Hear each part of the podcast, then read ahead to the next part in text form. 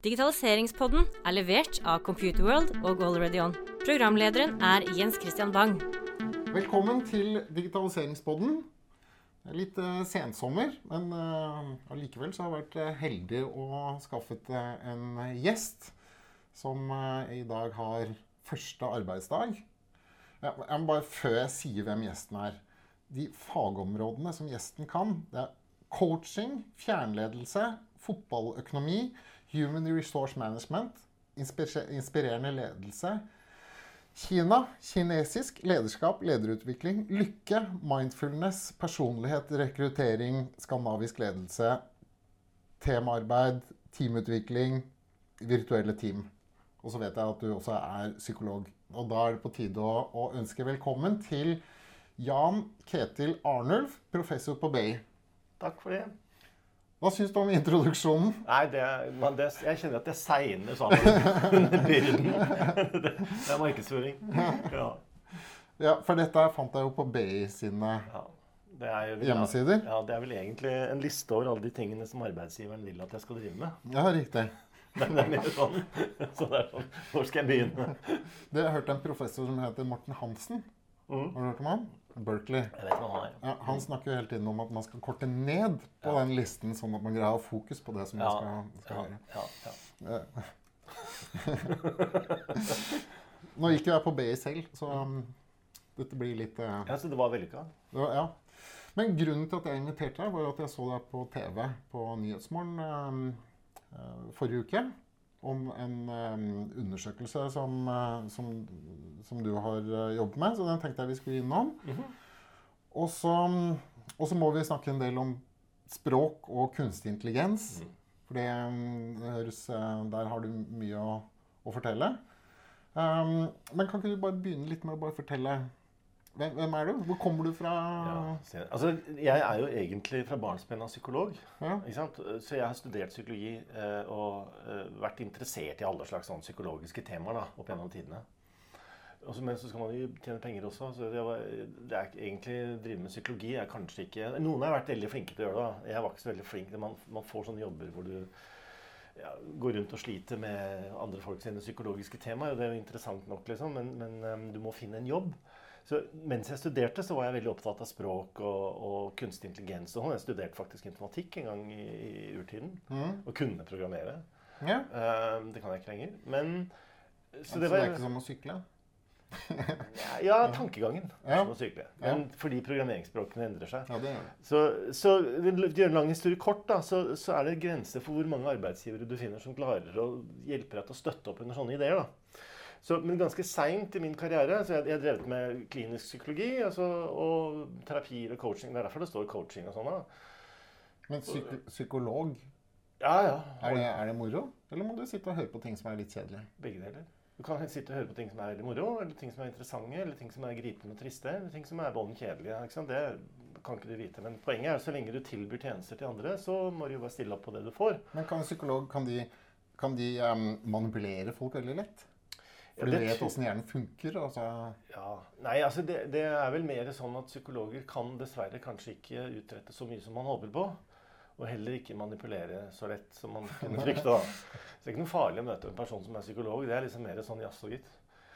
Så jeg, jeg, tenker jo at eh, det der med å være psykolog, det er kanskje uh, ja, det er, jeg, jeg, har studert det fordi jeg syns det var interessant. Mm. Men, men det er som alle andre jobber. Det er noen, noen av de tingene du må gjøre på jobben som er egentlig ganske trivielle. Og så er det sjelden at du får lov å gjøre de tingene som er veldig gøyale. Det gjør jeg mer av nå, var det jeg skulle si. For etter at jeg, etter at jeg skrev en doktoravhandling om ledergrupper, og sånn, så kunne jeg begynne å forske. Og da har du litt større frihet til å drive med de tingene som du syns er gøy, fordi det er gøy. Ja. Selv om det også er slik. Men hvor lenge var du psykolog før du begynte med det som var gøy? Uh, ja uh, Nei, kanskje Skal vi se 89 ja, 12-13 år, tenker jeg. Ja, da er det jo lang fartstid som psykolog også. Ja, ja, ja. Men jeg rakk å bli noe som heter spesialist, og da må du ha masse sånn, du har gjort mange forskjellige typer jobber. sånn at du har bred erfaringsbakgrunn. Så det har jeg gjort. Jeg gjorde alle de tingene som trengtes for å bli spesialist. Men gikk du rett derfra over til BI, da, eller? Nei, egentlig ikke. For det som skjedde, var at jeg, jeg eh, litt ulike årsaker så blei jeg mer leder etter hvert enn jeg egentlig blei psykolog. Mm. Der jeg jobba, så gikk jeg inn i lederstillinger. Og så fikk jeg et stipend for å skrive en, en doktoravhandling om ledelse og psykologi. Så det gjorde jeg. eh? Og da, etter det så var det liksom jeg bare sklei over i det akademiske. Så jeg blei en slags sånn lederpsykologisk psykolog i på BI. Det er det jeg er nå, da. Ja. Mm. Og der har du også vært en stund. Ja, den arbeidsplassen har vært lengst Ja, det er ja, 16 år. Herregud. Som tiden går. Ja. Men eh, jeg gikk ut av BI i, i 94, tror jeg. Mm. Så da gikk jeg glipp av, Av meg. dine vinger. Eller jeg er uskyldig i alt som skjer. ja, riktig. Ja, riktig. Det er sant. Men eh, i, den der, eh, i denne innledningen, hvilke fagområder er det kan, kan jeg få velge et par fagområder som jeg bare må spørre litt om? Kjør på. For, det, for et av fagområdene dine er lykke. Ja. Det høres jo Det er, ikke, det er derfor jeg sier at det er noe arbeidsgiveren skulle ønske. Men det, det, den berettigelsen for det, da. Det, er- det er ikke sånn tatt helt ut av lufta. Nei. Men berettigelsen for det er at jeg har forska på sånne som deg. Det vil si at eh, jeg har forska på sånne som har gått på BI i yngre år. Mm. Og så sett hvor de tilfredse de er med livene sine etterpå. Så det har vi begynt å publisere på. Det er noe som heter et, det er et veldig flott ord. Det heter longitudinelle studier. Vil si at vi har fulgt dem nå i 10-15 år og sett hva som skjer. Ja. Og da har vi prøvd å se på liksom, en av de, Et av de spørsmålene vi har stilt dem, rett og slett, er altså, hva er det som gjør hvor, hvor lykkelig de føler seg? Altså, føler, de, føler de at, altså, at livet deres har blitt bra? på en måte? Trives de med det de gjør? Og hvordan henger det sammen med ting som de har, hatt, har gjort før? da? Mm. Uh, og da har vi jo funnet at nesten alle som snakker om det, har rett. Altså, noen blir lykkelige fordi de har vært lykkelige hele tiden. Noen blir lykkelige fordi de opplever at uh, tilværelsen smiler til dem. De opplever lykkelige fordi de får brukt det de har lært. Så det er, det er, du blir lykkelig av å bruke det du kan, på en god måte. Og noen blir simpelthen lykkelige fordi de tjener mer penger. Ja. Men, men jeg har hørt at lykke er, er litt sånn ferskvare. Altså Hvis du f.eks. er fotballspiller, Ja. så scorer du et mål, og det var en eller annen liga eller noe sånt noe. Ja. Men dagen etter så var det, var det Det er nok en ferskvare. Ja. Altså, du kan si at, du kan si at lykke som lykke i betydningen lykkerus, mm. Det er Ja, nok for det er forskjell, da. For du har på en måte den der lykkebasisen, og så har du Ja, og det er jo mange som har diskutert det. ikke sant? Er lykke en øyeblikkelig stemning? Den Stemninger kommer og går, det veit vi jo. ikke sant? mm. Det er som Donald. ikke sant? Det yes! Og så står det nederst i ruta Men nettopp da. men, men så er det en del folk som på en måte rett og slett bare er humørmessig, personlighetsmessig mer si, robuste. da, Som tar livet lettere. Mm. Eh, og som ikke, ikke legger så mye merke til motgang og ikke lar det gå så hen over seg. Så det, så det, så, sånn er folk forskjellige da, personlighetsmessig. Men, og, Men da kan altså hvis du er i den andre enden av skalaen, så går det over i depresjon, da. Ja, du kan bli syk, du kan, I verste fall så får du jo psykiske lidelser og blir redd og depp, deppa og engstelig og sånn. Og, ja. Så det, det, det er helt klart at det, det henger sammen med Det er, det er kompliserte forhold. Det er sånn ikke enkle svar. Men, men øhm, altså noen mennesker ser ut som de er ganske robuste overfor livets motgang. Altså Mm. Noen tåler det ganske bra, noen sliter mer. Det veit vi. Men er det genetisk, eller er det noe man kan bestemme seg for? Er Eller lære seg, eller bruke noe Det er litt alt, litt alt sammen. Og så er det nok litt også Det som man skal huske på, er at vi eh, Det handler om personlig sårbarhet. Sånn at du kan risikere Det kan mange ting du kanskje tåler veldig bra, og så kan du ha uflaks sånn at det er noen ting du ikke tåler. ikke sant? Og så kan livet plutselig ha en overraskelse til deg i vente til deg som du kanskje ikke var så godt forberedt på. på en måte. Så, øh, men, men i bunn og grunn så tenker vi oss at, og og sånn ser det vel ut, at det går an å gjøre ting med seg selv som gjør at man er litt mer robust da, enn man ellers ville ha vært. Altså Det fins måter å mestre stress og utfordringer på og sånn, som, som gjør at man kommer seg videre. Ja, hva gjør man da? Hvor lang tid har vi? Nei, men det, er, altså, det, er, det, er, det handler nok om modning, og det handler nok om å f.eks. ikke la seg eh, altså hvor, Det handler om hvor høytidelig man tar seg selv, det handler om hvor godt støttenettverk man har. ikke sant? Hvor solid du føler at du er den du er. ikke sant? Sånn at det, det er mye verre hvis det skjer ting med deg som du føler river bort identiteten din. på en måte, Mm. Men hvis du føler at det er, det er en tilfeldig krangel med folk som ikke bryr deg så mye, eller et, et nederlag på et sted som ikke, du ikke bryr deg så mye om. Så så jeg sånn, sånn eh, Michael Jordan-sitat her som jeg synes var bra. Det er sikkert bare en reklame, men han sier at jeg har, jeg har, jeg har feilet så mange ganger at det er ikke noe rart at jeg lykkes. Nei. Og det, det er jo noe med å skjønne at ofte, altså, at det å feile er en, er en nødvendig bit av modning og læring. da. Altså, å feile er ikke en dom over deg. En feiling betyr bare at du har prøvd noe. Mm. Så det er mange strategier for å tåle det. liksom. Ja, det er, jo sånn, det er jo læring i å feile. Ja. Men hvis du hver gang føler at du oppe til eksamen, og at feilingen er en uhyggelig dom over deg selv, da blir det fælt. da. Ja. Ja. Og desto mer feiler, man feiler, desto flinkere blir man. Det er jo egentlig det han eh, Jordan ja. Det er det han skal fram til. ikke sant? Og det er, det er klart, og vi kan jo se det at en, en, en, eh, altså en, en grunn til ofte at folk ikke modnes, er f.eks. at de ikke tør å prøves. da, ikke sant? At man går og beskytter seg og blir persille. ikke sant? Ja. Jeg hørte en um, Jeg var på en sånn Lean-konferanse, og da hørte jeg et eksempel, da, de hadde, altså en test som de hadde gjort på, på noen intetanende krukkemakere. Altså sånn som lager leirer, vet du, leirekrukker. Så de hadde tatt to kurs, og så hadde de satt det ene kurset med 10-15 stykker at eh, dere skal lage den fineste krukken du kan tenke deg, og den skal liksom presenteres på siste kursdag. Og så sa de til den andre gruppen Um, dere skal lage så mye kru- krukker som mulig, så vi skal veie produktet deres på siste kursdag. Okay. Ikke sant? Det er to forskjellige approacher. På siste kursdag, de veide jo ikke dem. De bare sammenlignet av hvem som hadde de fineste krukkene. Og de som eh, hadde mest i vekt, eller de som skulle eh, hige etter å, å få det så tungt som mulig, de vant. Nå? Ja, fordi de hadde laget så mange krokker, Ja, ja, ja, ja, ja, Mens de andre holdt jo på å flikke på den ene? Ja, gjennom alle kursdagene. Ja, det er kult. Ja, det er kult. Så bare skaffa, I den ene gruppa så skaffa de masse øvelse. Ja. og. Ja. Og det var egentlig det du nettopp sa. Ja, egentlig er det det. Det er gøy. Men hvis du skal trekke frem en av disse på BI sin eh, liste, som du skal si litt om For nå fikk jeg lov til å velge lykke. Hva vil du, hva vil du trekke frem? Altså, jeg, det er noe som står der som jeg egentlig ikke Altså det som ikke står der, som jeg syns egentlig er det jeg driver med, og det er at jeg driver og forsker på uh, digitalisering av lederforskning. Sånn at det står egentlig ikke der.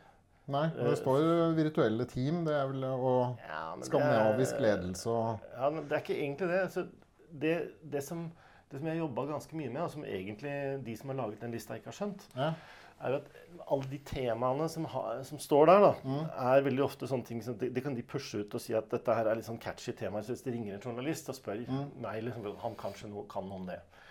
Men det, i realiteten så er det som jeg har jobba mest med de siste ja, sju-åtte årene, det er jo egentlig altså um, Hva er egentlig lederforskningen? Altså Hva gjør lederforskningen, og hvordan kan vi bruke digitale virkemidler til å forske på ledelse? Og Det er, det er litt mer komplisert enn det som står på den lista. Da. Men da må du jo innom mange av de tingene. ikke sant? Så vi har vært innom eh, f.eks. Eh, fotball. Fotballtrenerforskning. fordi at vi har vist at eh, når, vi, ser på tallene, ikke sant, at det hjelper ikke noe å sparke treneren. Altså Det er noe man driver med, men det hjelper ikke for resultatene. Det er, en, det, er en, av de mange overtroiske tingene folk gjør når de jobber med ledelse.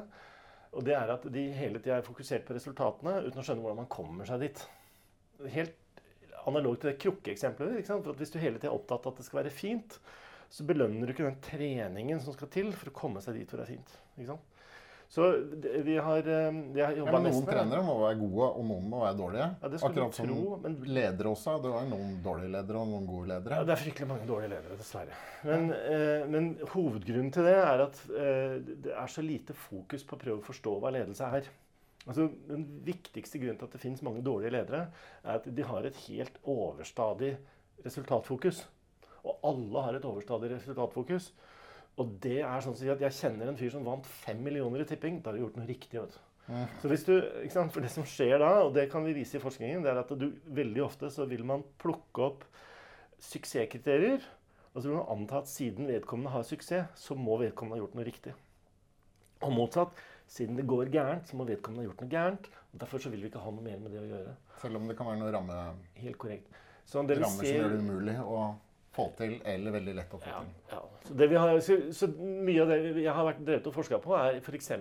hva- hvordan veit vi at noen er en god leder eller ikke? ikke sant? Ja. Og, og hvordan vet vi For at det, som, det som er med ledelse Ledelse er et begrep, sånn kortslutningsbegrep som handler om å, å, å få til resultater. Hvis jeg ba deg om å komme med en definisjon på ledelse, så vil du si at ledelse er Ja, Å styre andre mennesker eller motivere andre mennesker til å, å gjøre en god jobb. Ja, ikke sant? God jobb er vesentlig. ikke sant?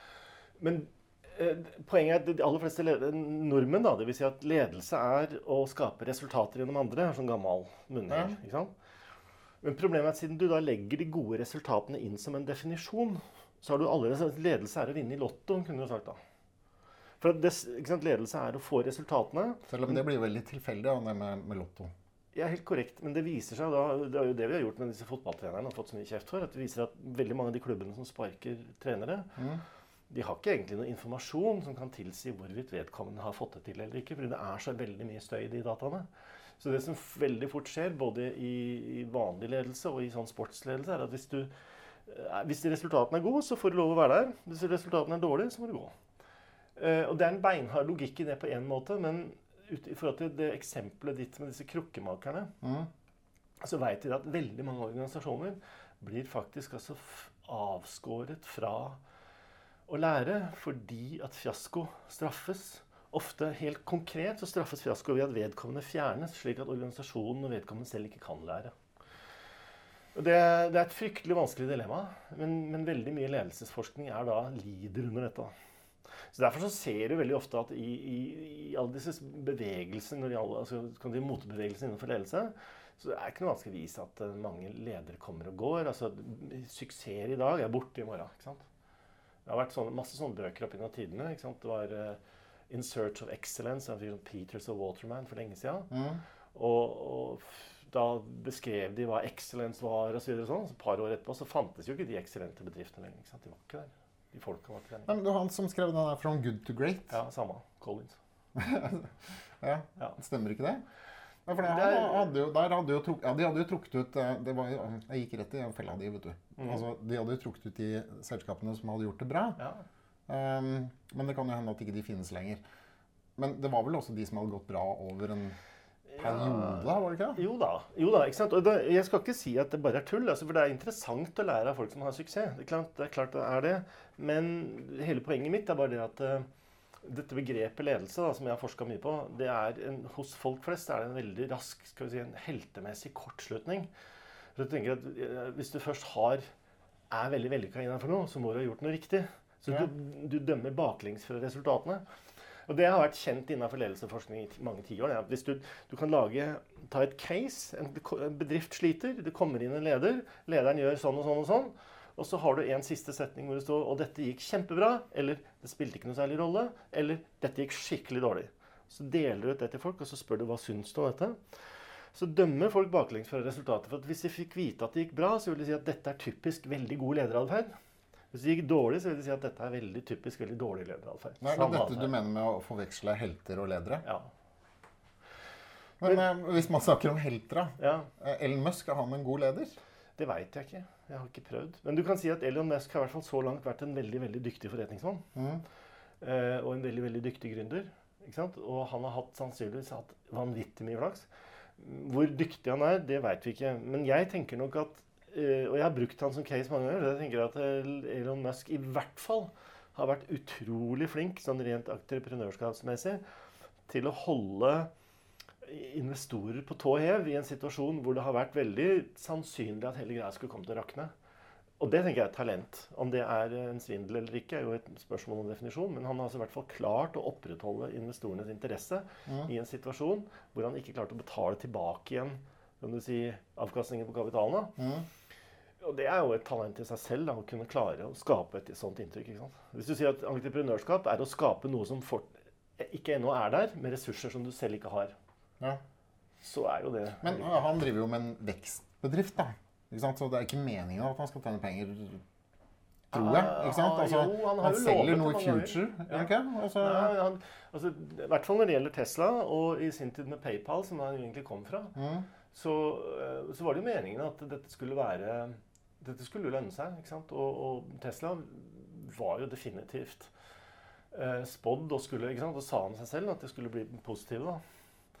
Og ligger etter. Men eh, så i fjor på den tida så var det vel rykter om snarlig død og Ja, men det var jo konkurrentene deres. som Nei, altså det er stadig Og det er masse sånn Så poenget, poenget er at det er ingen som vet.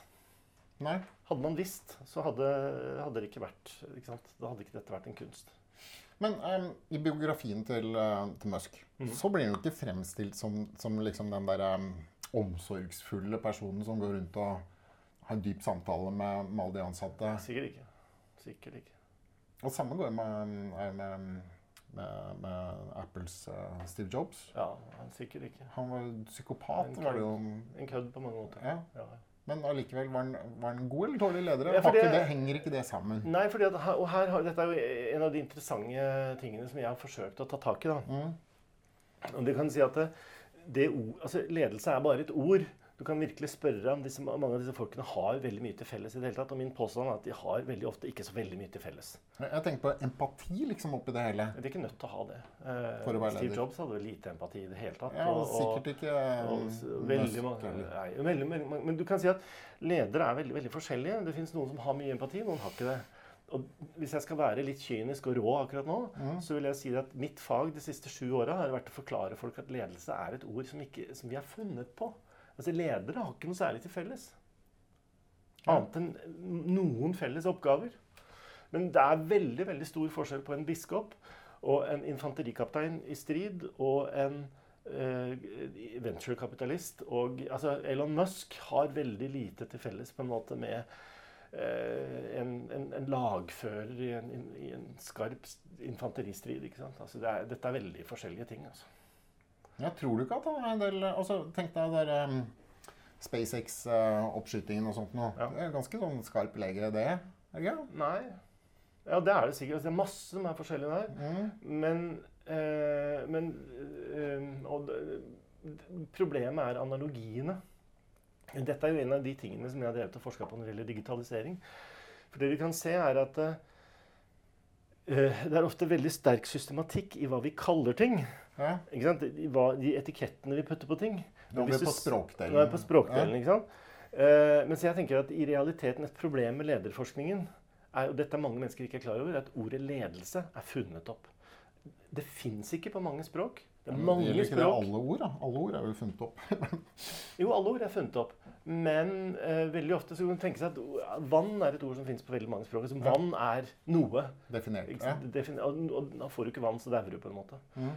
Eh, og på den måten så fins det jo mange ting som har en helt annerledes fysisk aktualitet. Da, og, og som melder seg på deg, hva, enten du har et ord for det eller ei. Men, men ledelse er et ord som vi fant på Altså som ble funnet opp på amerikansk-engelsk på slutten av 1800-tallet. Og som uh, utviklet seg i ble en verdensomspennende farsott etter andre verdenskrig. Det er ord som ikke fins på fransk, f.eks. Hva med sjef, da? Ja, sjef finnes, men det er et gammelt eh, latinsk ord som kommer av ordet caput, for hode. Så det er en Mm. hodeperson, det samme som du har i høvding, Ja. eller i hoipding, ikke sant? Ja. ja. Ja, Så det er en hodeperson. Um, eller en hovedperson. Eller, altså, ikke sant? Så det, det er sånne Mange av de ordene vi har brukt før, da, de er veldig sånn Men er ikke leder og sjef det samme? Nei, ikke nødvendigvis. Altså, fordi når du sier det der du sier om empati og de tinga der, så tenker du at da må en leder må være en person som forstår andre, samhandler med andre osv. Så sånn.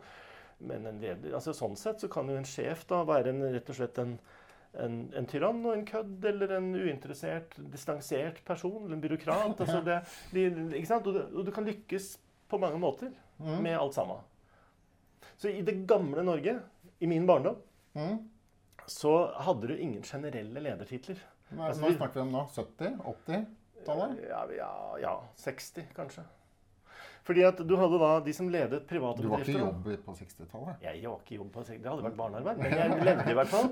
Jeg husker disse ordene. Du kan dem også. fordi at du, var, du har i Flåklypa, ikke sant? Så det eksisterer en, um, en eh, Hva heter det? En disponent, husker han? Blodstrupen? Ja, ja, disponent, ja. Ja, altså er en disponent, ikke sant? Sorry, sier ser i filmen. ja. Men disponenten han ville jo i dag hett administrerende direktør. Mm. I dag? Ja, han ville jo det. Ja. Altså, men det hadde de jo ikke da, den gangen. ikke sant? Het alle disponent? Ja, for Disponenten er husk på det, at i, for henhold til aksjeloven så er disponenten den personen som disponerer selskapets ressurser på vegne av aksjonærene. Ja. Eierne. Jeg har jobbet i en bedrift jeg, som hadde disponent. Det kan du se. Ja. Ja, Det er ikke lenger unna enn det. Og da kan du si at disponent er en veldig passiv tittel. Mm. For da er du sånn Jeg skal disponere pengene dine mens du går på golfbanen. Mm. Det føles ikke så godt. Nei. Nei. Kan du kjenne på det? Mm. Så hvis jeg sier at istedenfor så har du ansatt meg som daglig leder, så er det litt mer framoverlent. Ja, det er sant. Det er en lek med ord. Mm. Uh, men i mange Men språk. nå heter vi jo ikke daglig leder lenger, nå heter det CEO. Ja, det gjør det på norsk. Og så har du en svær krig innenfor den engelsktalende verden der, som heter CXO. Altså alle de rare tingene som du kan putte inn mellom C og O, da, som er Chief Something Something Officer. Ja, Experience Officer. Chief Entertainment Officer. COO. Ja, Operations Officer. Ja. Det er for de som ikke gidder å drive med ledelse selv. Så hadde vi satt det bort til COO. Ja, ja. Så det er, du kan si at hele så hvis vi skal ta og, og, og bli veldig konkrete på dette, her, så er ledelse, ordet ledelse er en veldig abstrakt generalisering. Og jeg mener jo, i forhold til lederutvikling, da, som du ser at jeg har drevet med, Mm. så tror jeg veldig ofte at det lønner seg å, å la være å bruke det ordet ledelse. For du, altså det ville være som å holde ha, Hvis jeg skulle ha deg på gitarkurs, da, Mm. og så sier jeg nå skal jeg ha en kunstskole. Så er det et ganske langt stykke fra liksom, å utdanne deg en ukes liksom, helgekurs innenfor kunst. Så er det svært sånn Nå skal jeg gjøre deg til kunstner. Ja. Og si at nå skal jeg lære å spille en tregreps blues. Mm. Det får vi til i løpet av helga, liksom. Ja. Skjønner du forskjellen? sånn, at, eh, sånn at det er et eller annet her med det ordet ledelse som er vanvittig abstrakt. Og ledelse er egentlig ingenting i seg selv. Det er ingenting som er ledelse. Ja, men skal vi slutte å bruke ordet? Er det det? Ikke nødvendigvis, for det er- nei, det er for det er må som- skjønne hva det betyr? Eller hva det betyr. Er det noen en- som vet hva det betyr? Ja, det er opp til deg på en måte òg. Ja, for nå prøvde jeg meg på en definisjon. Har du, en, ja. Har du en Nei, jeg har ikke noe bedre definisjon. Så poenget, er, poenget med språket er språket er på en måte veldig demokratisk. Mm. Språket kan bare bety det det betyr for de som bruker det. Ja. Så det, vi må bli enige om hva det betyr. ikke sant? Så det fins en guru innenfor mitt fag da, som heter Carl Mark. Mm. som snakker om at bedrifter er sånne språkfellesskap. Hvis du og jeg har et firma Ja, sammen Carl Carl heter han. Weik. Ja. Og Weick mener at det folk gjør når de jobber sammen, er at de utvikler språk sammen. Så når du, hvis du og jeg skal jobbe sammen, så vil vi lynfort så oppdager vi at vi har utviklet et stammespråk Ja. og begreper og sjargonger som bare betyr noen ting helt lokalt. Og Det gjør jo for at vi skal kunne finne ut av det med hverandre og jobbe nokså presist med akkurat det vi driver med. Det blir mye bonding også rundt sånne Og det er masse. Ja. Ja, ja. Er det, er det det man gjør når nye mennesker treffes? Altså, og, og prøver å finne De finner et språk sammen. ja. De gjør det. Og Det er derfor konsulenter ofte mislykkes. sier ikke fordi at De kommer inn med et kult språk som ser ut på glansa papir så ser det ut som det betyr veldig mye. Så kommer de inn i bedriften med det språket. Men akkurat her så betyr det så forbanna lite. Det er det som er så problematisk med konsulenter. fordi det er ikke at konsulenten tar feil, eller noe sånt, men konsulenten kommer inn med et språk som av en eller annen mystisk grunn ikke passer helt til det vi driver med her. Mm. Hvis det gapet er for stort, så, så, så blir det vanskelig med det prosjektet. Ja, men det stemmer jo også litt sånn, sånn som jeg har opplevd ledelse eller eh, strategisamlinger eller sånn. Altså, da har man noen ord man gjerne lanserer, Mm. og så prøver man å få litt eh, fundament rundt det ordet, sånn at alle liksom føler at, at det, det er bra. Ja. Er, ja, ikke sant? Det er mye som er det. En gang, jeg må fortelle en historie om det her. Så en gang så det er lederutvikling med et firma som jeg ikke skal si navnet på, men det skjønner man kanskje når man hører det. Ja, og um, da fikk jeg vite på forhånd at du, Kjetil, du er jo sånn, eh, sånn psykolog og akademiker og sånn, så dette er vanlige folk. Husk på at du snakker normalt og vanlig til dem. Ikke snakke rart. Ja, så jeg skal passe, så jeg passa meg veldig godt for ikke å snakke rart. da. Ja. Så jeg tenkte jeg, nå skal jeg være jordnær og ordentlig og ikke bare snakke rart. Mm. Det første de gjør, ikke sant, de bruker en hel formiddag, fire timer, på å diskutere hva er en kjeks. Så jeg var nødt til å reise meg opp og si at jeg aldri har vært med på maken til filosofer som kan bruke fire timer på å diskutere hva er egentlig en kjeks. ikke sant? Mm. Men du skjønner jo hvis du jobber med det, at det er noe helt annet enn en sjokolade eller en Twist-pose. altså, Og når kjøper folk det ene eller det andre? Og? Det kan være kommersielt vanvittig forskjell på en kjeks og en sjokolade. Ja, klart det brukes vel i sam forskjellige sammenhenger. Nemlig. Serveres til kaffen eller ikke. Riktig. Mm. Så altså, du, folk, eh, folk blir altså språkfilosofer før de veit ordet av det, når de begynner å jobbe. Ja. Du, du kan jo en del om dette med, med språk. Du, du fortalte at du hadde lært deg kinesisk Mhm. For å forstå mer av språk? Ja. Eller var det for å snakke med kinesere? Er litt begge deler. Mm. Altså, Den umiddelbare årsaken til det var at jeg var nødt til å undervise i Kina. Ja. Uh, og da var jeg, altså De kan jo engelsk, og de fleste av dem kan jo bedre engelsk enn jeg kan kinesisk fortsatt. Men det var sånn at eh, de er jo ikke, ikke sant? De hadde ikke engelsk som morsmål, og jeg har ikke engelsk som morsmål. Så jeg tenker at det beste jeg kan gjøre, er prøve å skjønne hva det er de prøver å si ved å kunne kinesisk. Ja. Så Derfor så lærte jeg meg kinesisk. Men det er også fordi at jeg har en interesse av det. kan du si. For at eh, jeg har jobbet med, eh, siden, siden jeg har jobbet med språklige forståelsessystemer da, og digitale systemer siden 80-tallet, så har jeg vært opptatt av bredden i menneskelige språk. Altså hvor forskjellige kan språk bli? Hvor forskjellige vil vi kunne konstruere verden? basert på språk? Fra engelsk til norsk til russisk til kinesisk, Ja. tenker du? Ja. Ja. Så, så for meg så var det interessant å lære kinesisk for å se hvor, hvor forskjellig kan ting faktisk bli. da. Og de kan jo bli veldig mye mer forskjellige enn folk flest tenker på. fordi at eh, hvis du bare snakker ett språk, så er det veldig fort gjort å tro at språket er en uskyldig beholder for kunnskap. Men det er det ikke. Altså Språket er et veldig eh, skal vi si, et veldig jeg vil ikke si forræderisk, men i hvert fall språket er ikke upartisk. Og språket er ikke perfekt, og språket er veldig, på mange måter veldig sårbart. Men samtidig så er språket det mediet som vi bruker for å ha kunnskap oppi. Altså vi plasserer kunnskap oppi språk. Så måten vi konstruerer den kunnskapen på, den er veldig avhengig av hvordan språket vårt evner å fatte det. da, sånn som vi om. Ja. Og Derfor så er det interessant å se at folk eh, som har ulike språk, de har en tendens til å konstruere den, den kunnskapen veldig forskjellig mellom hverandre. Altså. Men hva er forskjellen eh, på språk? da? Eller sånn typiske forskjeller? Altså, en av de mest typiske forskjellene som jeg har uh, hefta meg ved, er jo at uh, de språkene som vi snakker, altså norsk, tysk, engelsk og sånn mm. Norsk er egentlig bare et slags hobbytysk, egentlig. Uh, vi har veldig sterke strukt grammatiske strukturer som er veldig presise i hva ting skal bety. Så hvis du bommer på grammatikken, så får, bommer du på meningen, på en måte. Ja. Eh, mens f.eks. kinesisk og en del andre sånne såkalte høykontekstuelle språk de har, for Kinesisk har nesten ikke noe grammatikk i det hele tatt. Ingen flertallsformer, ingen bøyninger av verbet. Ingen, ingen Veldig få egentlig angivelser av tid. Så det gjør det fryktelig vanskelig for oss å ta med oss vår forståelse av hvordan verden er konstruert, og så konstruere en tilsvarende verden på kinesisk. Men på den andre siden så har jo de da en, en veldig skepsis på en måte til ofte. altså Kinesisk filosofi har historisk hatt, sett hatt en veldig stor skepsis til preik. Det, det, det litt sånn hyggelige med det er at for kinesere for eksempel, så er det ofte ikke så gærent å sovne mens sjefen snakker. fordi eh, det er jo bare preik. ikke sant? Altså, det, god jul, godt nyttår. altså Man skjønner at det er sammenhenger hvor det skal sies Pølseprat, som man kaller det. ja, ikke sant? Altså, det er jo det er bare hyggelig. ikke sant? Så, og Derfor så gjør det sikkert ikke om jeg tar deg lur, hvis du og prate bare. For det er ingen som regner med at det som sies der, er noe annet enn høytideligheter. Og derfor så vil de veldig ofte så har de en helt annen uh, syn på sannhet. At sannhet og det som er riktig, det er noe du og jeg forhandler ut på en måte i, over, eh, over en middag eller i en relasjon. Altså Mm. forteller du meg Men det som du står på talerstolen og sier, det er i beste fall sånn signaliserende retninger og den typen ting. Det skjønner jo vi ofte òg. Det er bare at vi, eh, vi har en mye større tendens til å tro at det som sies, er korrekt fordi det er det som er sagt. Ja. Mens, eh, mens i mange andre språk i verden så er de nok mye mer tilbøyelig til å se på det som sies, som en slags sånn eh, en innpa innpakning av noe som kommer, kommer til å komme til uttrykk gjennom handling seinere. Som en formell eh, seanse, eh, Ja, ja, liksom? Eller? ja, rett og slett en seremoni. Mye Ja. mer i det vi tenker på som seremonier. ikke sant?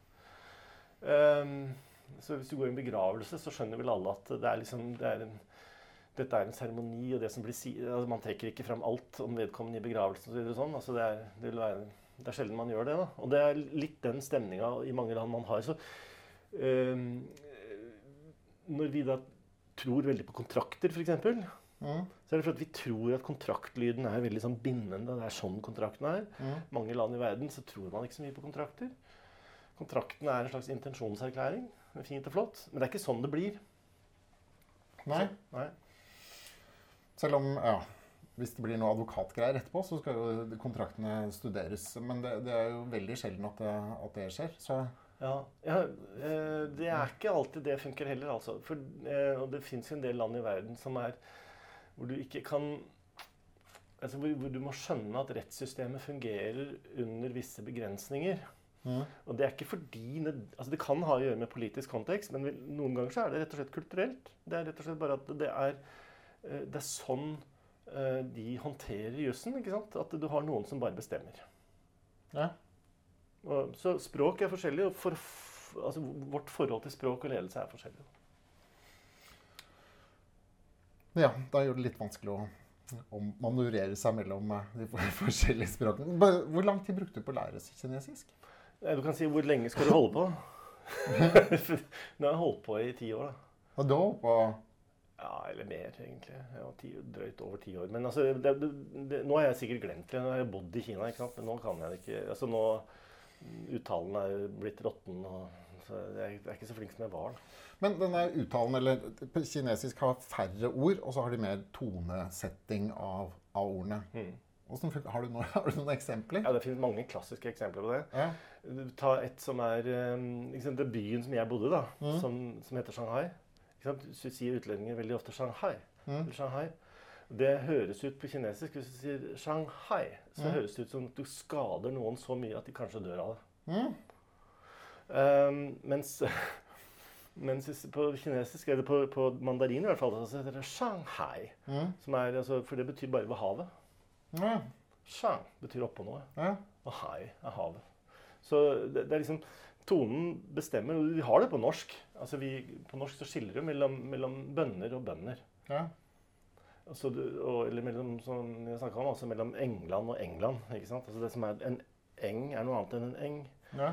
Så det er liksom, det er forskjellige sånne toner, da, og det bærer mening. Det er veldig morsomt å alltid si det feil. Ja, og det kan det Skal er, til England. Jeg skal til England, ja, da, det blir det et annet sted enn en gang. Ja. Det er bra. Skal vi prøve å komme oss litt innom den, eh, denne undersøkelsen som, eh, som du har jobbet med, og Mm. som du presenterte på, på, på morgennyhetene? Mm. Hva, hva, hva slags undersøkelse var den? Eh, Nei, altså, la meg forklare bakgrunnen for dette her. Mm. For det er sånn at i, i den hele den store sosialvitenskapen så fins det én si, sånn datasamlingsmetode som er konge, og det er å sende ut spørreskjemaer. Jeg er helt sikker på at du har svart på minst ett spørreskjema i livet. ja. Ganske mange. Ikke sant? Ja. Ja. Og de spørreskjemaene de er alle sammen, eller stort sett da, mesteparten av dem, de er bygd opp på noe som heter en Likert-skala, som en fyr som heter Rensis Likert fant på i 1930-tallet. Mm. Og det er at du går fra 1 til 5, eller 1 til 7, eller 1 til 9. Så får du svaralternativer som går fra en ikke i det hele tatt, Mm. jeg vet ikke riktig, eller ja, i veldig stor grad. Ja. Så du får de der, den graderingen. Den graderingen eh, den blir da samla inn som et tall, og så driver forskerne og så sam, driver de, og så prøver å kjøre statistikk på de tallene. nemlig altså hvor i hvor stor grad syns du det ene, og i hvor stor grad syns du noe annet? Er det sånn at de som er veldig glad i lederen sin, også jobber veldig bra? At de føler seg motivert, at de ikke er syke osv. Alle sånne ting. Er du med på det? Ja. Så i, Særlig innenfor organisasjonspsykologien så er det massevis av spørreskjemaer. Og vi spør om alt mulig rart, og så lages det store Tilfredshetsundersøkelser, f.eks. ja, medarbeidertilfredshetsundersøkelser. kundetilfredshetsundersøkelser. Det er et svært marked. ikke sant? Ja. Det vi kaller for driverne av engasjement og motivasjon som skaper resultater. Men mange har jo de, de undersøkelsene bare for å vise målgruppen at eh, vi altså, bryr oss. til rent politiske årsaker. Ja. ikke sant? Ja, vi har spurt. ikke sant? Ja. Ja, Og det er ikke så dumt på en måte, for det viser seg nemlig det at informasjonsverdien i de tallene Mm. er dessverre mye mindre enn man skulle tro. Men i forskningen så finnes det svære metodebøker og oppskrift for hvordan du skal gjøre det. Og bruke komplisert statistikk på de tallene for å få publisert vitenskapelige undersøkelser. Og her kommer digitaliseringen min inn. da. Mm. For det vi har gjort, at vi har drevet ganske omfattende arbeid de siste sju åra med å prøve å kjøre disse spørsmålene gjennom tekstalgoritmer. Og så få datamaskinen til å regne ut på forhånd. Hva er den sammenhengen, den språklige sammenhengen i de tinga du spør om, som gjør at du kan få vite hva folk kommer til å svare før de har svart? Uten at noen har svart? Egentlig ja. Ja, for det, jeg hadde jo skjønt det hvis du hadde på en måte kjørt et lite utvalg på fem eller ti stykker som kjørte gjennom og svarte, og så Nei, nei, vi kan kjøre de, altså, Jeg skal ta et veldig konkret eksempel som du kanskje syns virker absurd. Men altså, på en skala fra 1 til 5, hvor sannsynlig tenker du at det er mandag i dag? eh, fem. Da trenger ikke jeg å stelle det samme spørsmålet på nytt. og se På en skala fra 1 til 5, hvor sannsynlig tror du at det er tirsdag i morgen? Ja. Eller at du var søndag i går? Ja. Ja, det vet jeg, fordi det er gitt i språket. ikke sant? Og det er ikke noe vits å forske på hva det er med mandager som lager tirsdager. Nei. Er du med? Ja. Det er fordi at dette er noe vi har funnet på i språket. Det eksempelet jeg bruker nå, det er så plumpt at alle skjønner det. Mm. Men la oss nå si at jeg kunne finne ut at, jeg, Hvis si at det var torsdag, da, Mm. så du vet at det er torsdag, så sier jeg hvor sannsynlig er det at det er langfredag i morgen? Ja. Så er det mye mindre sannsynlig. Er du med på det? Ja, ja. For det er bare én gang i året. Ja, 1 av 52. Men hvis jeg hadde stilt et annet spørsmål samtidig, jeg spurt deg eh, på en skala fra 1 til 5, hvor sannsynlig tenker du at det nå er mars eller april? Ja. Så får jeg vite at du tror at det er mars eller april, Mm. Og at du tror det er fredag i morgen. Da stiger sannsynligheten dramatisk for at jeg vet at du tror det er langfredag i morgen. Er du Ja, riktig, ja. Sannsynligheten stiger. Mm. Og det viser seg at disse sammenhengene i språket er mye tjukkere enn du tror. Og moderne tekstalgoritmer de ser det. Mennesket vi, vi ser det ofte ikke. Vi er fanga i vår egen at Vi strever med å finne ut av hva ting betyr. Så Ja. folk svarer på det ene spørsmålet og det andre spørsmålet. Noen ganger aner du at det er en sammenheng her, men du tenker ikke så mye over det. Du tenker at du svarer på hvert enkelt et. Men det viser seg at i den statistikken som vi ender opp med, så ender vi altså bare egentlig opp med sammenhengen i språket. Og der har vi nå kraftige nok tekstalgoritmer at vi stort sett klarer å regne ut det på forhånd. Så hvis det du er interessert i, er sammenhengen, så øh, kan vi ofte, ikke alltid, men vi kan ofte regne ut den sammenhengen før vi har spurt om. Eller vi kan dele ut spørreskjema, så oppdager vi at vi vet ikke noe mer enn det vi visste på forhånd. For de tallene som kommer tilbake, stemmer med det de tekstalgoritmene sier at vi har. Ja, men Da høres det ut som det ikke er noe poeng- å så kjøre en sånn spørreundersøkelse. Du kan bare lage spørreundersøkelsen, og så kan du få datamaskin til å svare på det for deg. Og så sparte du masse arbeid. Ja, det kan du nok også. Og dit skal du nok i framtida. Altså, det er det som er det store digitaliseringspotensialet. For du kan si det at det, det tekstalgoritmene og sånne øh, øh, ontologier kan gjøre, da, er at vi kan, vi kan faktisk nå ha øh, Bruke digitale verktøy for å forhåndsbestemme eh, definisjoner av f.eks. ledelse og medarbeiderskap. og alle disse tingene. Så hele det språket vi bruker til management, alt det vi bruker for å snakke om folk, Mm.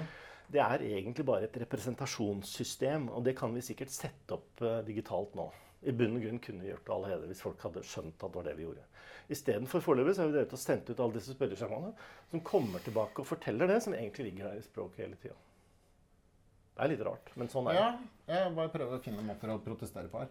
Ja, utsett den litt, så skal jeg fortelle deg det du lurte på. Så jeg kommer tilbake til det første spørsmålet.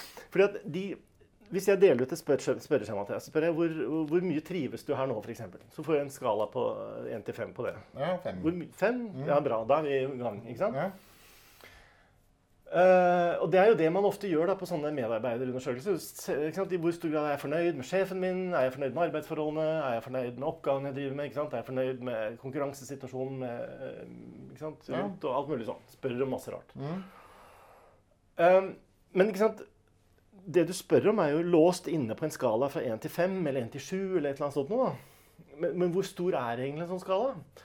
Prøv å forestille deg at du går til um, Du skal male en vegg hjemme i stua di. Og så går du til fargehandleren og sier jeg skal ha, male, jeg skal ha gulmaling nok til veggen i stua. Mm. Og så spør fargehandleren liksom ja, hvor stor vegg er det? Så sier du det er en firer. Ja, hva, Er det fire kvadratmeter, da? Nei, sier du, det er ikke fire kvadratmeter. Det er en firer. Den er større enn veggen på dass, men den er litt mindre enn langsida av huset. Ja. Så, så da, har gitt den terningkast fire. ja, så det blir en firer. ikke Ja. sant? Og da sier det seg selv at det er litt vanskelig å si om du får nok maling eller ikke. Ja. Om du får for mye. Og så kan du si at når folk som sant? For det som skjer når du, går, når du spør ut i sånne grupper av folk, Mm. hvor tilfreds er altså hvor mye syns du at og så, videre, sånn, så får du de tallene tilbake. Mm. Så ser det ut som tall, og du kan kjøre statistikk med dem. Men den, de tallene måler ikke ting på samme måten som kvadratmeterne måler veggen din. Altså, Den har ikke det samme presisjonsnivået. Mm. Det er rett og slett ikke det samme.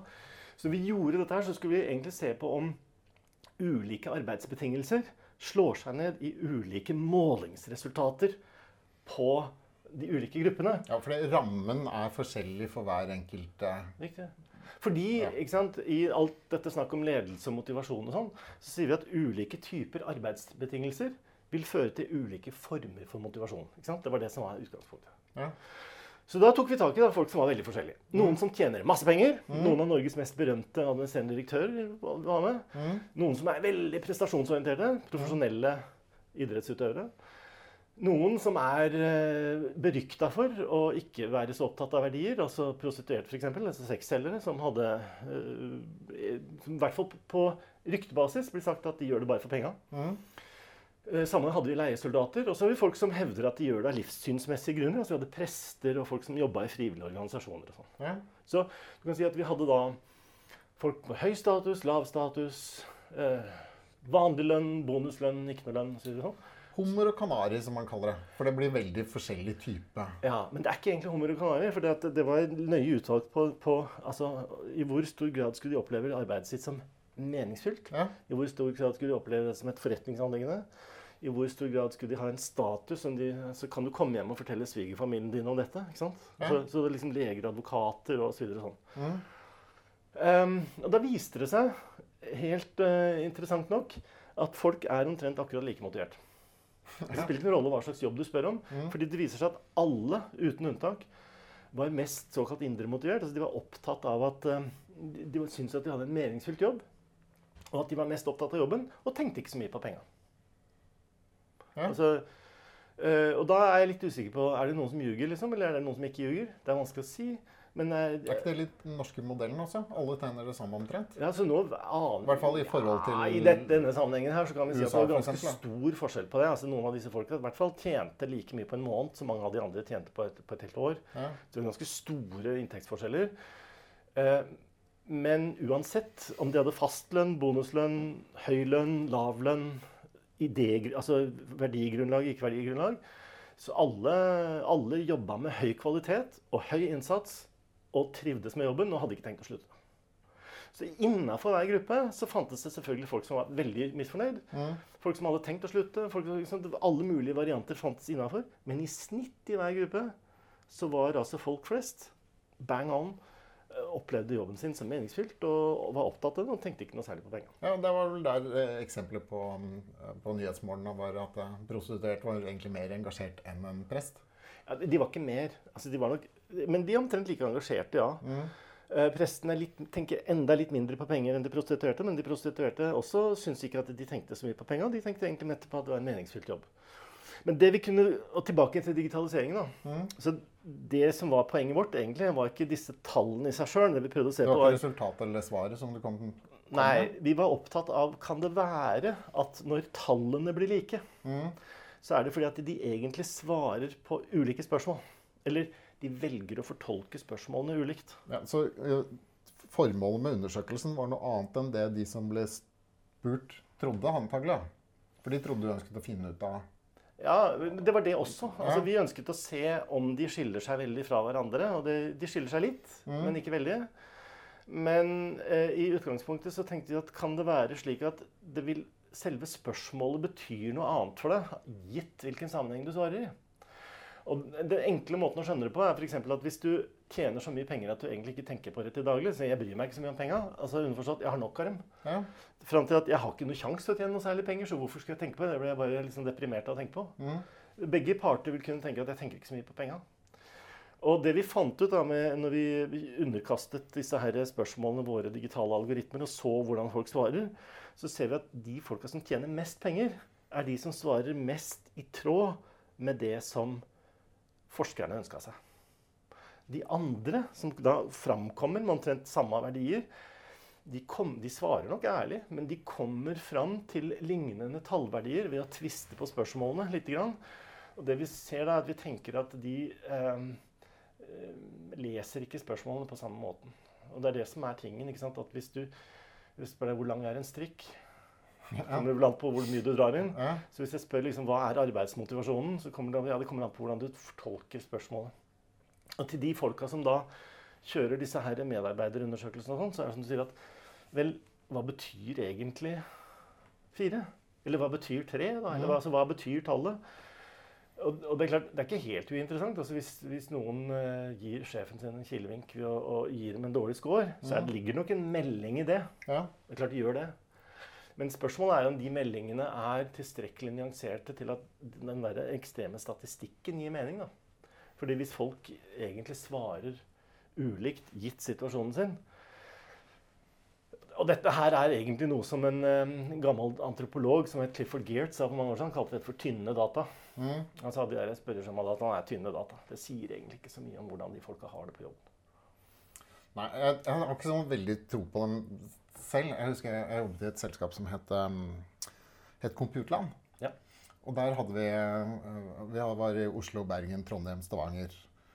Og så var det, var det om å gjøre å ha, eh, ha liksom best arbeidsforhold ikke sant? med medarbeid, eller den derre tilfredshet-undersøkelsen. Mm. Og hvert år da, så, så skulle du sette opp de forskjellige byene. Hvem, var, hvem hadde mest tilfredse medarbeidere? Mm.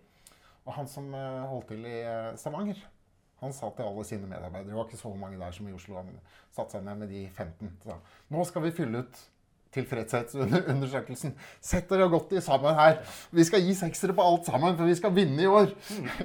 og de vant hvert år. Ja, de gjorde det. Ja. Ja. Men da, var, da på en måte forsvant jo mye av Fortsatt mye av poenget, ikke sant. ja. Så jeg, Men det var jo veldig morsomt. Alle visste jo at han gjorde det. ja, ja, ja. Han var jo sikkert en god eh, jeg vet ikke, leder, sjef, som liksom greide å få til den motivasjonen hos, Ja. hos alle. At de syntes det var gøy. Ja. Ja, det er gøy. Nei, jeg hadde den eh, For mange år siden, så jeg skrev doktorgraden min om sånne ledergrupper, Mm. så kom jeg over et tilfelle av det jeg kalte for øl- og pølsefaktoren på sånne fornøydhetsundersøkelser. Ja. For at jeg fant ut at eh, tilbakemeldingen på ledere som hadde et veldig høyt budsjett på, på kundearrangementer med øl og pølser, Mm. de var stort sett medarbeiderne mye mer fornøyd med enn de som var flinke til å spare penger og sånn sett gjorde det bedre. Ja. Så sant? tallene må alltid fortolkes. Og det, egentlig så er det det vi snakker om. da. Men uh, uh, i USA så har de et, uh, en forkortelse på akkurat det der med den der vedlikeholdskosten som du har. Altså på enten det er kunder eller medarbeidere. Så, sånn at har du kunder, f.eks., så må du alltid sende dem et eller annet småtterier en gang i året, sånn at, um, at de føler at de har fått noe. Ja. Så da holder du de ved like, og det er mye billigere å sende dem et par sokker enn å levere høyere service. Ja. Helt sikkert. Og, men vi eh, altså det, det husker jeg regna på en gang. Fordi eh, det var, vi oppdaga det at de som hadde eh, de mest lojale kundene en undersøkelse vi hadde var, Det var liksom meninga at de mest lojale kundene skulle være de mest lønnsomme. Ja. Men det var de ikke. da, altså, for De mest lojale kundene det var jo de man hadde gitt bort varene til. Så det var ikke noe rart de var lojale. ikke sant? Så Dekningsgraden bare datt i bakken. Ja. Men de var jo kjempelojale, fordi de fikk jo varene givende. ikke sant? Så de klarte de kom tilbake hele tida. Vips. Ja. Det gratis å vippse. Ja. Ja. Hvorfor skulle du ikke gjøre det? ikke sant? ja, nei, det må du Og de har blitt markedsledende. Ja, men da må du finne noe annet å tjene penger på. da, i det. Dataene eller gud veit et eller annet. Du vet, Sverige startet mye før oss med, med Vips, bare at de kalte Swish. De prøvde å innføre kost, da, at det skulle koste en krone eller to. Mm. Ja. Det ble jo ramaskrik, så de måtte trekke seg tilbake. nå. Det, er betal. det er fremdeles gratis. Ja. For det ville ikke kundene. Ja, Finne en annen forretningsmodell. Og snyte dem i bakkant med å selge dataene deres. til Google Ja, eller Kina. ja. Et eller annet. sånt. Ja, var vi ferdig med den uh, spørreundersøkelsen? eh?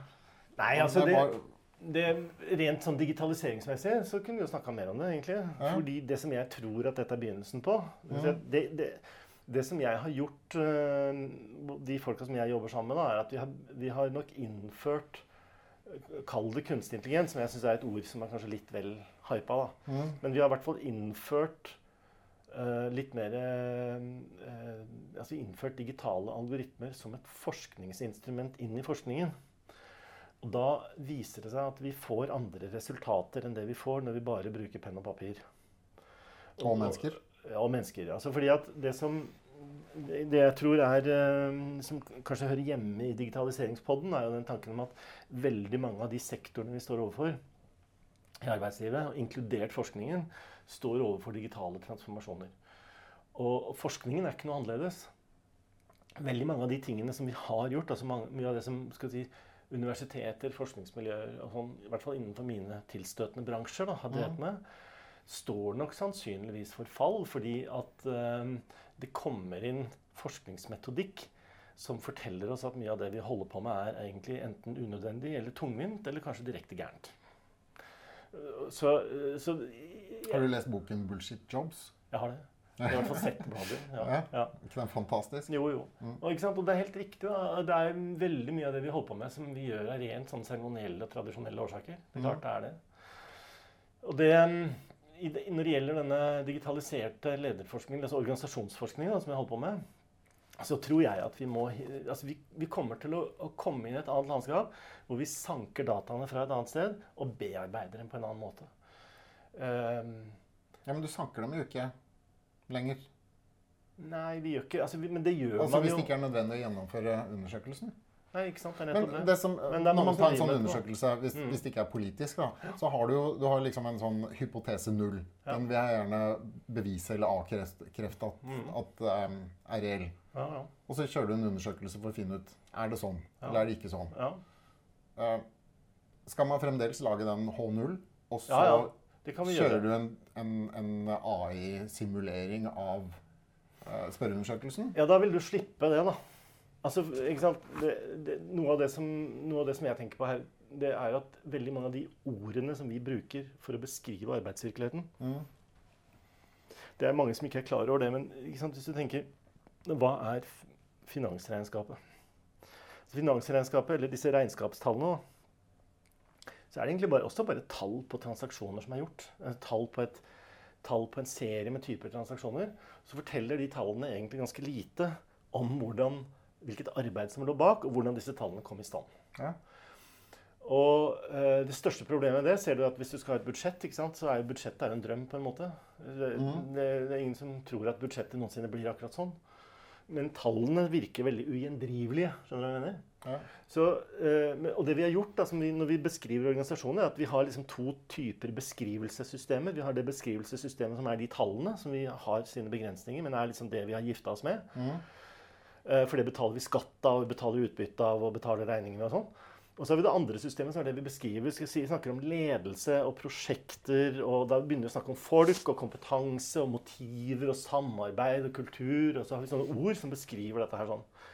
I bunn og grunn så er dette to kompletterende systemer hvor vi prøver å snakke om organisasjonen. Og Da er vi tilbake der vi var i stad med Carl Weich. For at når du og jeg har en organisasjon sammen, så må vi jo prøve å kontrollere den og påvirke den. Og det kan vi ikke gjøre uten å snakke om den. Så det vi prøver å lage, er et, si, et kartleggingsverktøy. Språket som et kartleggingsverktøy for å styre organisasjoner. Men det vi ikke skjønner, vi mennesker, er at vi blir veldig fort fanga i selve språket. ja. Og så begynner vi å gå i ring eh, og, og prate tull. Altså Det er da det bare blir preik. ikke sant? Mm. Og av en eller annen grunn så er vi mennesker mye flinkere til å snakke enn å skjønne hva det er egentlig vi sier. Det er derfor vi kan, er derfor vi kan bruke de digitale algoritmene til å vise eksempel, at Taushet er gull. taushet er gull. Mm. Og presist språkbruk er også fint. Og det å komme seg unna bullshit er også veldig bra. ikke sant? Mm. Ja, for det er mange som eh, bruker veldig mye tid på å snakke om noe, og kommer aldri frem til Jeg er litt utålmodig, så jeg, jeg hater jo det. Eller at de gjentar det samme om igjen og om igjen. om igjen. Ja. Er det, hva gjør man da? Bygger man kultur? Eller, er det, eller bare kjeder man folk? Ja, ja, det vet jeg. Det kan sikkert være alt mulig rart. Eller man bare egentlig synger en sang eller messer en messe. Men Mm. altså, det vi kan si, er at mennesket er mye flinkere til å snakke enn til å skjønne hva vi sier. Ja. Det, er Vi, så vi, vi går oss veldig fort bort i alt det preiket vi kan ha om management, ikke sant? om ledelse, om organisasjoner, om entreprenørskap. Det er veldig mye vi kan si. ikke sant? Og Det er sikkert derfor også vi veldig ofte forfaller til tall. For det er så deilig i hvert fall å ha noe håndfast. Noe konkret. Ja. Ja. Men de tallene er ikke nok. Så vi trenger språket. ikke sant? Og jeg tror kanskje at den, det vi kommer til å gjøre inn i, i fremtiden, er at vi kommer nok til å få eh, mer, skal vi si, digitalt mer spesifikke beskrivelsesmåter og måter å innhente data på. Det har vi jo allerede. ikke sant? Vi har alle de gadgetene vi bruker. Mm. Eh, liksom fra firmabilen til, eh, til ERP-systemet og alt mulig rart. ikke sant? Som samler inn all dataen hva vi driver med. Eh, og jeg tror vi kom, Det er dit vi kommer, det er dit vi skal. Jeg tror jeg forstår. jeg forstår noe av det, i hvert fall.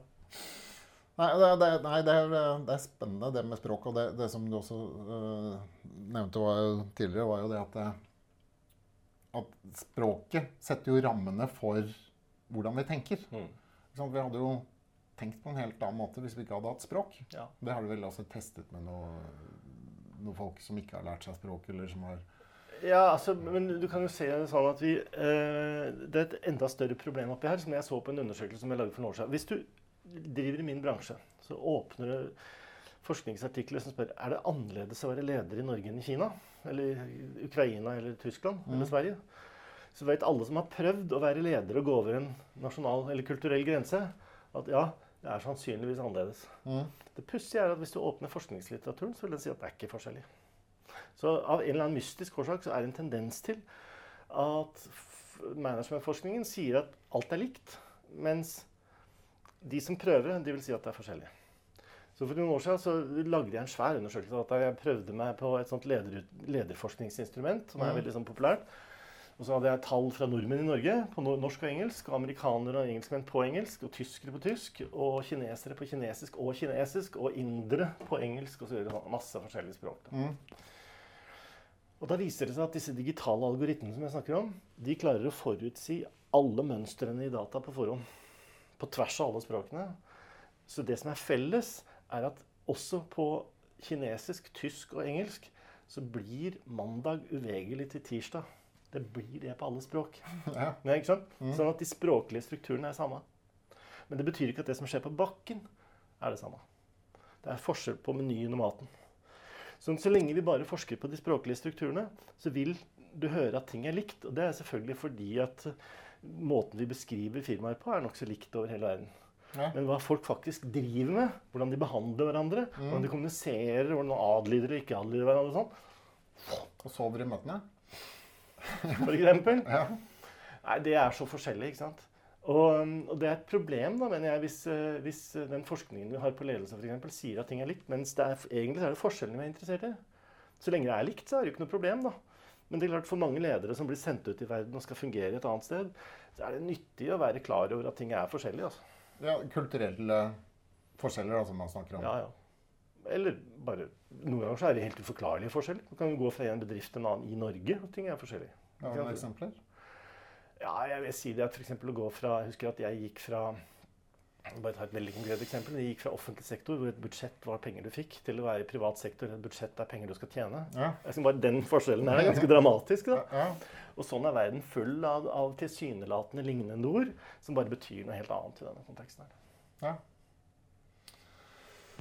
Utrolig spennende. Det er det. Men uh, jeg ser at tiden begynner å ja. renne ut. Det har gått en uh, time. Det har gått fort. Uh, hva er det vi har vært gjennom? Jeg syns jeg har vært gjennom mitt liv. mitt liv i revy. Både lykke og psykologi og kinesisk og Digitalisering, håper jeg. Ja, ja. Ikke minst. Ja, ja. Og prester. Og prester. Det er alltid interessant. Mm. Hvem er det som brukes mest? Er det Google eller prestene? Jeg har mine mistanker. I hvert fall hvis du holder til ett kirkesamfunn, så er vel løpet kjørt. Ja. Ja. Du, jeg har et avslutningsspørsmål. Mm -hmm. Hvis du skulle høre på Digitaliseringspodden, mm -hmm. jeg regner med at du begynner med nå, mm -hmm. hvem ville du ha hørt på som gjest?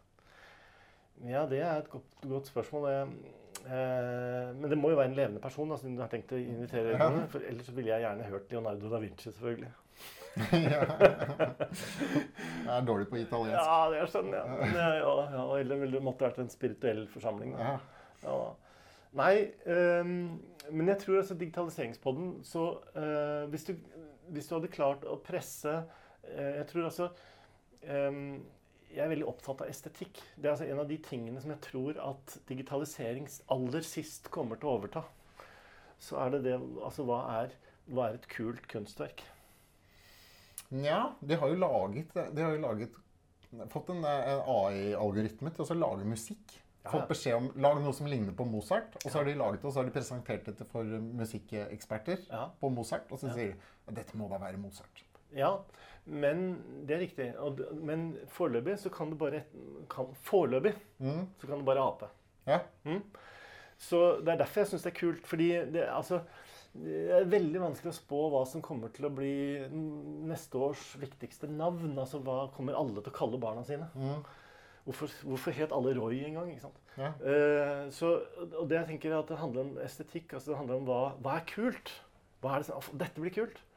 Sånn at uh, det, det, måtte være de som, de som, kan noen ting om estetikk, og som kan noen ting. Og jeg syns f.eks. altså Kristen Sveaas har lyktes vanvittig godt med Kistefoss. Ja. Altså, det, det, er veldig bra, det twist og det som, det som, skjer der oppe. altså Måten han har laget det på. Så en sånn person som, som kan Skulle fått inn han, da? Det kunne være interessant. For han ja. har nok en del tanker rundt uh, eh, digitaliseringa. Ganske frittalende. Ja. Jeg aner ikke om han ville slått til her, men det er, min, det, er min, tanke. Da, at folk som, folk som, kan og skjønner og har gjort noe riktig innenfor estetikk og kunst, ja. hvis de klarer å plassere seg i det digitale landskapet, så ville jeg vært en hund etter å høre det. Ja, men det er bra. Da prøver vi det. Tusen takk for at du kom. Takk for at jeg fikk komme. Ha det bra. Ha det. Takk til alle nerder, savvies og futurister som gir digitaliseringspodden mening. Dag og Jens Kristian blir kjempeglad om du abonnerer og gir oss en strålende anmeldelse. Vil du lære mer om digitalisering, kan du laste ned digitaliseringsguiden fra allreadyon.com slash digitalisering. Til vi høres igjen, ha en fantastisk uke.